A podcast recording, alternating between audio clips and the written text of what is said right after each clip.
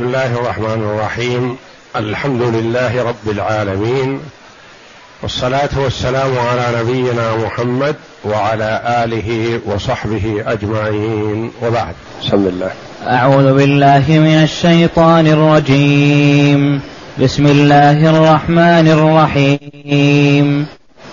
سل بني إسرائيل كم آتيناهم من آية بينة ومن يبدل نعمة الله من بعد ما جاءته فإن الله شديد العقاب. زين للذين كفروا الحياة الدنيا ويسخرون من الذين آمنوا والذين اتقوا فوقهم يوم القيامة. والله يرزق من يشاء بغير حساب. هاتان الآيتان الكريمتان من سورة البقرة. جاءتا بعد قوله جل وعلا هل ينظرون إلا أن يأتيهم الله في ظلل من الغمام والملائكة وقضي الأمر وإلى الله ترجع الأمور. سل بني إسرائيل كم آتيناهم من آية بينة الآيتين.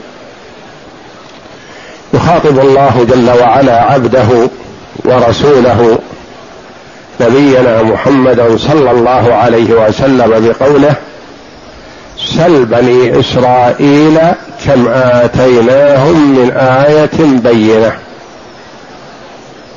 سل فيها لغات. سل واسأل وسل وسأل. ثلاث لغات. سل بني إسرائيل.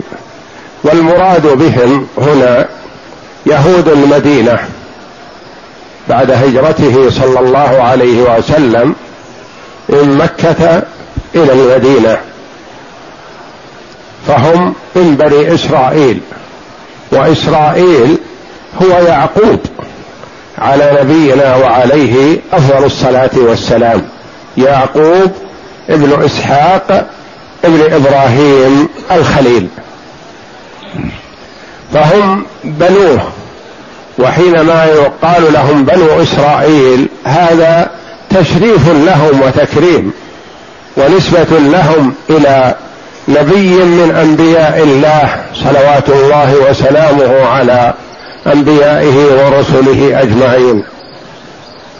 سل بني إسرائيل كم آتيناهم من آية بينة؟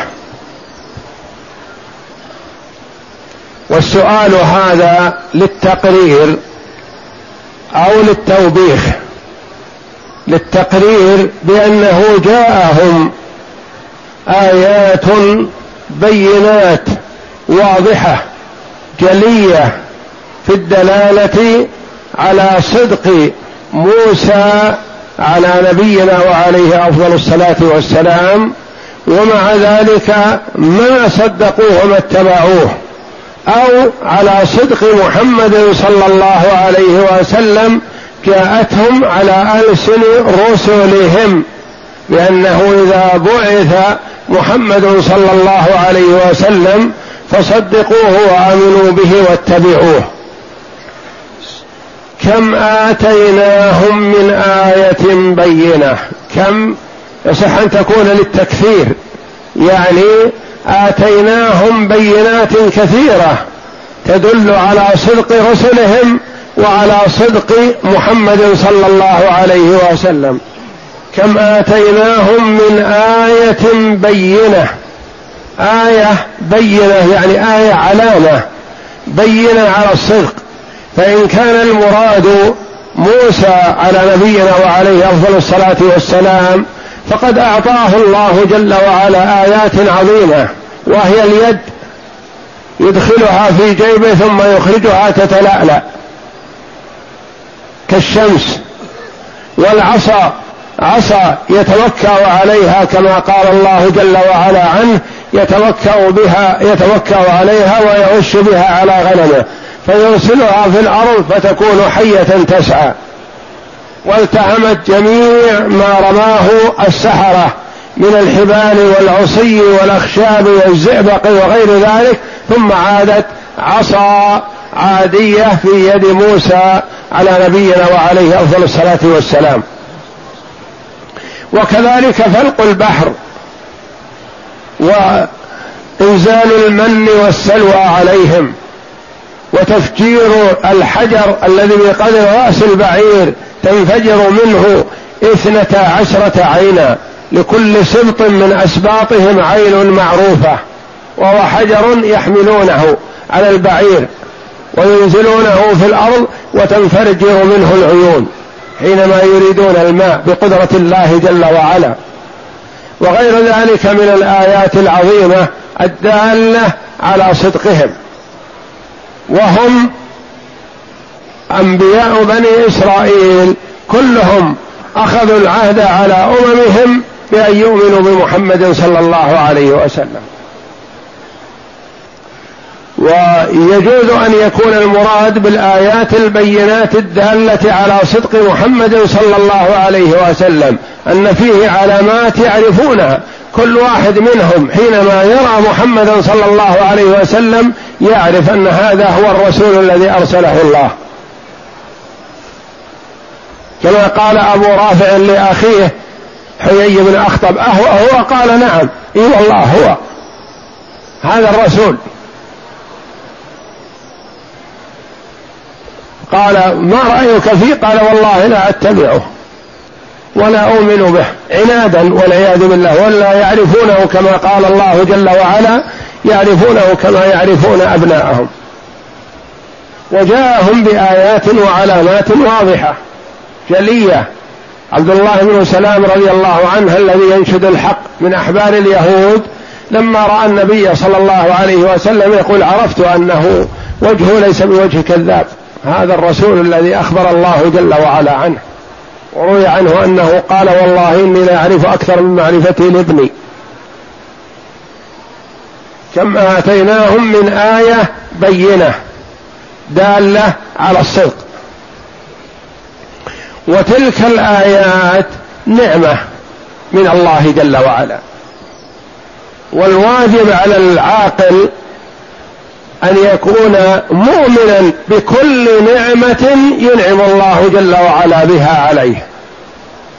سواء كانت نعمة مالية أو نعمة بدنية أو نعمة روحية أو نعمة إلهية.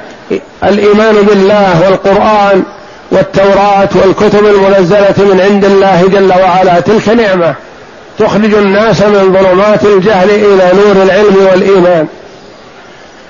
فتوعد الله جل وعلا من لم يؤمن ويصدق ويقوم بحق هذه النعمة. فقال ومن يبدل نعمة الله من بعد ما جاءته؟ لأن موقف المرء أمام النعمة إما الإيمان والتصديق والشكر للمنعم بها أو جحدها وكفرانها. فمثلا على سبيل المثال العبد إذا أنعم الله جل وعلا عليه بمال حمد الله وشكره وأثنى على ربه الذي أنعم عليه وقال هذا من فضل ربي وأدى حق الله جل وعلا فيه واستعان به على طاعة الله والآخر والعياذ بالله إذا أعطي نعمة المال قال هذا بكدي هذا بذكائي هذا بقدرتي هذا بمعرفتي هذا بذكائي ونسب هذا إلى نفسه ونسي الله جل وعلا. ثم قد يستعين به على معصية الله والعياذ بالله. يلعب به ويمرح ويبذله في المعاصي ويستعين به على محادة الله ورسله وعباده الصالحين. فيكون والعياذ بالله هذه النعمة التي أنعم الله جل وعلا بها عليه وبالا عليه. لأن ما من نعمة إلا وتكون نعمة في حق امرئ ونقمة في حق آخر وهي شيء واحد. المال نعمة في حق عبد استعان به على طاعة الله ونقمة وعذاب في حق آخر استعان به على معصية الله. الولد نعمة في حق من قام بحق هذا الولد بتوجيهه وتعليمه وتنشئته على الأخلاق الفاضلة وعلى الصلاة والصيام وطاعة الله جل وعلا وبر الوالدين وصلة الأرحام وفعل الخير والإحسان إلى الفقراء والمساكين. تربى هذا الولد منذ صغره على هذا الشيء. فأصبح نعمة لأبيه وعونا له على طاعته وكلما خطر لأبيه مسلك طاعة أعانه وساعده. هذا نعمة وأعانه على الخير. أو والعياذ بالله تركه وأهمله أو نشأه على الفسق والفجور والمعاصي وأعطاه ما يريد بما يستعين به على معصية الله فنشأ في الفسق والفجور ومعصية الله فصار نقمة على والده. إذا التفت إليه والده فيما بعد إذا احتاج إليه إذا هو نشا على خلاف الخير والطاعة فلا يعين أباه على خير ولا يساعده على شيء ويكون عاقا له ونقمة له في الدنيا عذاب عليه في الدنيا ويحاسب عنه في الدار الآخرة كما قال الله جل وعلا يا أيها الذين آمنوا قوا أنفسكم وأهليكم نارا وقودها الناس والحجارة ويقول عليه الصلاة والسلام كلكم راع ومسؤول عن رعيته فالوالد راع ومسؤول عن رعيته. يسأل عنه يوم القيامة إذا أهمله وضيعه يعذب به يوم القيامة. وكذلك نعمة الجاه ونعمة الصحة والعافية. وأي نعمة ينعمها الله جل وعلا على عبد من عباده في الدنيا قد تكون في حقه نعمة وفي حق آخر نقمة وعذاب. الجاه استعان به على طاعة الله ونفع إخوانه المسلمين وانتفع به وسعى في الخير ومشى فيه وطالب به وحصله. خير له. جاهه نعمة. أو أنه والعياذ بالله سعى في جاه هذا لنشر الفسق والفجور والمعاصي والمدافعه عن الفجار والفساق والعياذ بالله فصار جاهه هذا نقمة عليه ومصيبة وسبب لعذابه في الدنيا والآخرة والعياذ بالله. وهكذا ما من نعمة من نعم الله جل وعلا إلا إذا استعملت في وجهها صارت نعمة للعبد. وإذا عكست الحال صارت نقمة ومصيبة وهي هي في حق الآخر. هي في حق الآخر. كلاهما أوتي المال. هذا استعان به على الخير وصار سببا لدخوله الجنة ونزوله في الدرجات العلى. وهذا والعياذ بالله أعطي المال واستعان به على الشر وصار سببا لدخوله النار والعياذ بالله. والهلاك في الدنيا والآخرة. وهو هو المال. وهكذا. ولذا قال الله جل وعلا متوعدا من يبدل نعمة الله ومن يبدل نعمة الله من بعد ما جاءته فإن الله شديد العقاب. ليحذر العبد أن يستعين بنعمة من نعم الله على معصيته. وهذا وإن كان السياق في بني إسرائيل سل بني إسرائيل كما آتيناهم من آية بينة ومن يبدل نعمة الله من بعد ما جاءته فإن الله شديد العقاب. فكما يقول المفسرون العباد لا بخصوص السبب. أي مبدل لنعمة الله جل وعلا بعدما جاءته من عند الله واستعان بها على الضلال والشقاوة فالويل له. فإن الله شديد العقاب. اقرأ. يخبر تعالى عن بني إسرائيل كم شاهدوا مع موسى عليه السلام من آية بينة أي حجة قاطعة بصدقه فيما جاءهم به فيما جاءهم به كيد كيده وعصاه وفلقه البحر وضربه الحجر وما كان من تضليل الغمام عليهم يوم شدة الحر ومن إنزال المن والسلوى وغير ذلك من الآيات الدالات على وجود الفاعل المختار. وصد وصدق من من جرت هذه الخوارق على يده ومع هذا أعرض عن كثير منها عنها وبدلوا نعمة الله كفرا أي استبدلوا بالإيمان بها الكفر والإعراض عنها. قال تعالى ومن يبدل نعمة الله من بعد ما جاءته فإن الله شديد العقاب. كما قال تعالى إخبارا عن كفار قريش ألم تر إلى الذين بدلوا نعمة الله كفرا وأحلوا قومهم دار البوار جهنم يصلونها وبئس القرار. بدلوا نعمة الله كفرا يعني أنعم الله جل وعلا على كفار قريش. ببعثة محمد صلى الله عليه وسلم وتلك هي أكبر نعمة أنعم الله جل وعلا بها على عباده. ولكنهم بدلوا شكر الله وحمده واتباع محمد بأن كفروا بمحمد صلى الله عليه وسلم. فأحلوا قومهم والعياذ بالله دار البوار جهنم. أدخلوا أنفسهم ومن حولهم ممن أطاعهم جهنم. وتلك نعمة عظيمة الإيمان بمحمد صلى الله عليه وسلم وبعثته عليه الصلاة والسلام في مكة. نعم.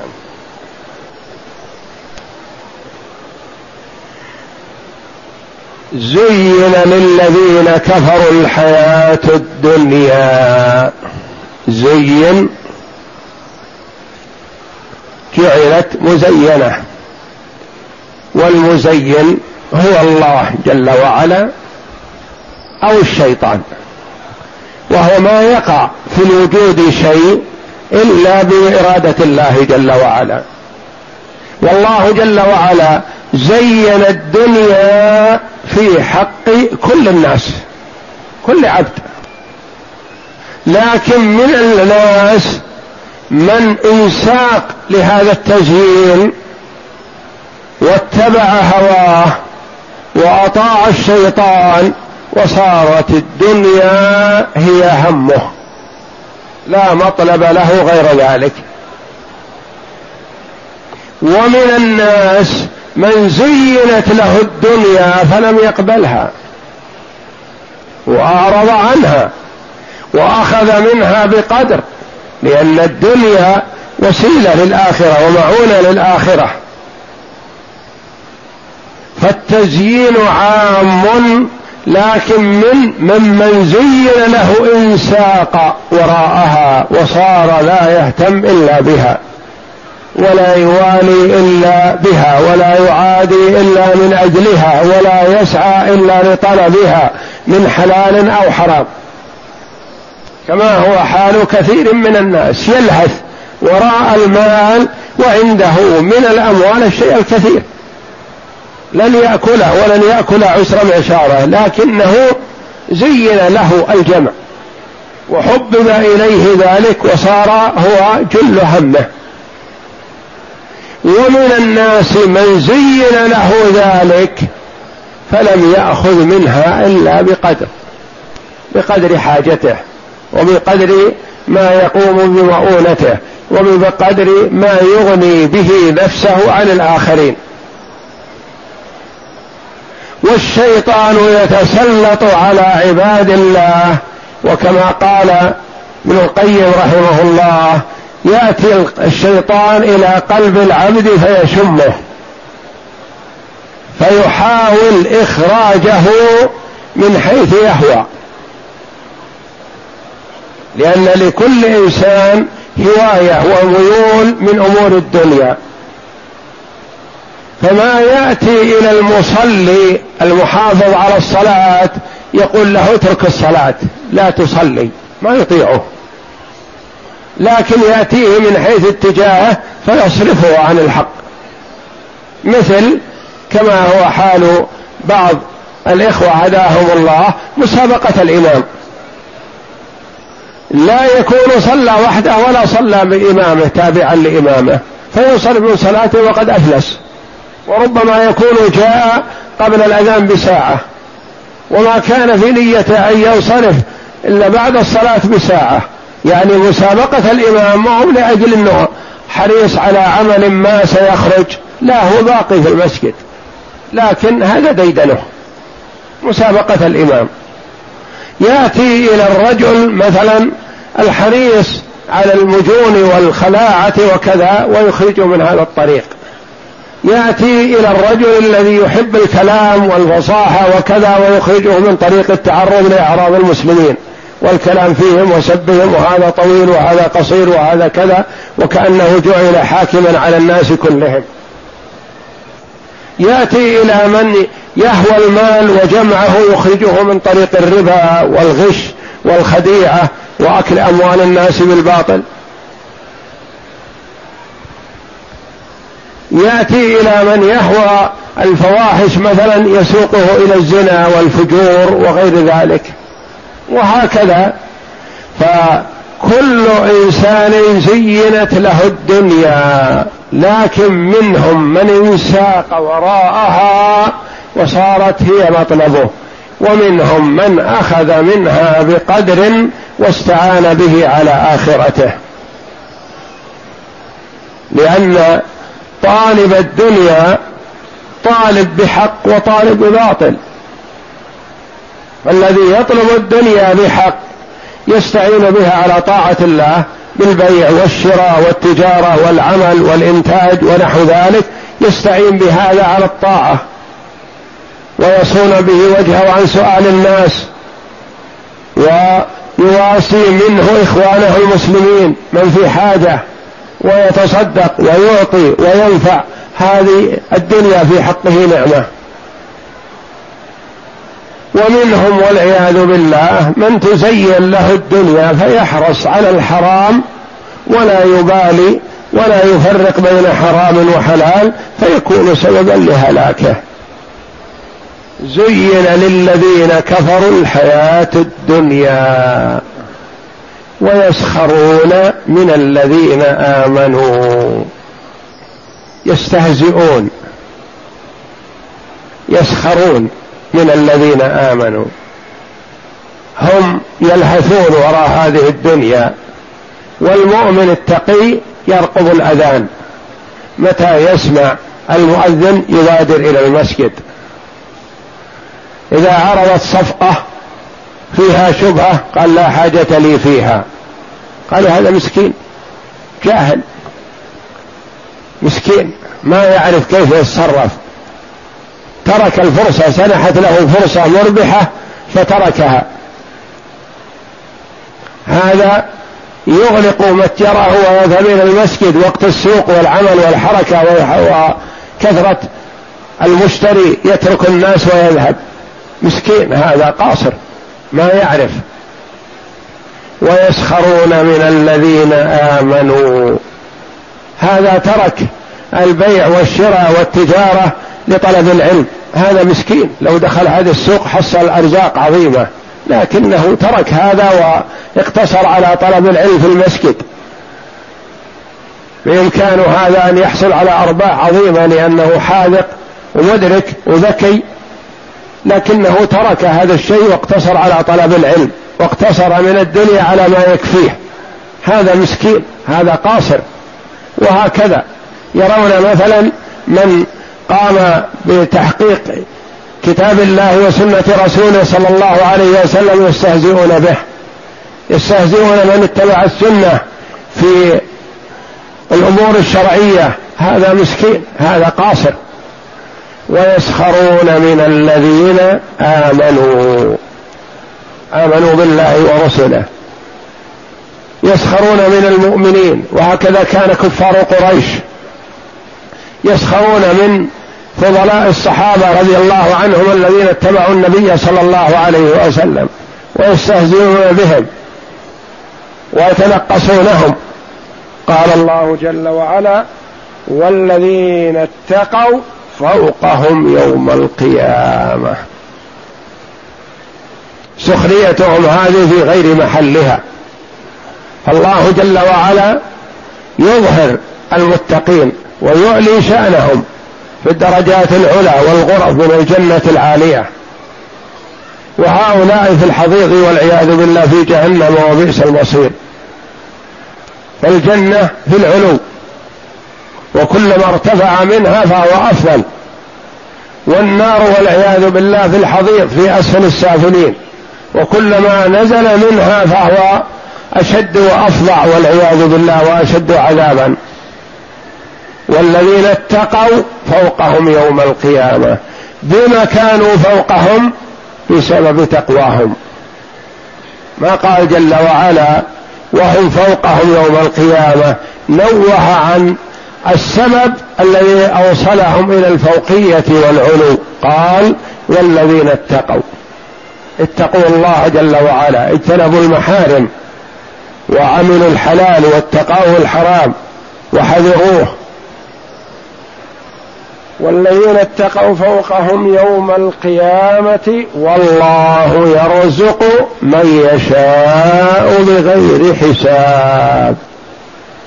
ربما تكون السخرية لأن هؤلاء تركوا طلب الكسب تركوا الرزق.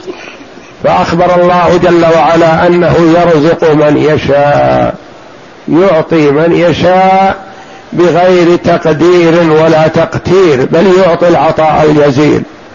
أو يعطيه بغير حساب بغير أن يحسب لذلك أو أو يدركه يأتيه فوق ما يدرك. لأن الله جل وعلا يعطي العطاء الجزيل. والله يرزق من يشاء بغير حساب. فيه وعد لمن اتقاه بأن الله جل وعلا يرزقه. ووعيد لمن عصاه بأن الله جل وعلا يمحقه. حتى وإن كثر ماله فنتيجته إلى المحق والسحت والعياذ بالله. كما قال الله جل وعلا يمحق الله الربا ويربي الصدقات. فالمال الحرام يمحقه الله جل وعلا. والمحق نوعان. محق حسي بأن يفتقر. بدل ما يكون عنده عشرات ومئات الملايين يفتقر ويعطى من الزكاة. هذا محق حسي وحصل على كثير من الناس.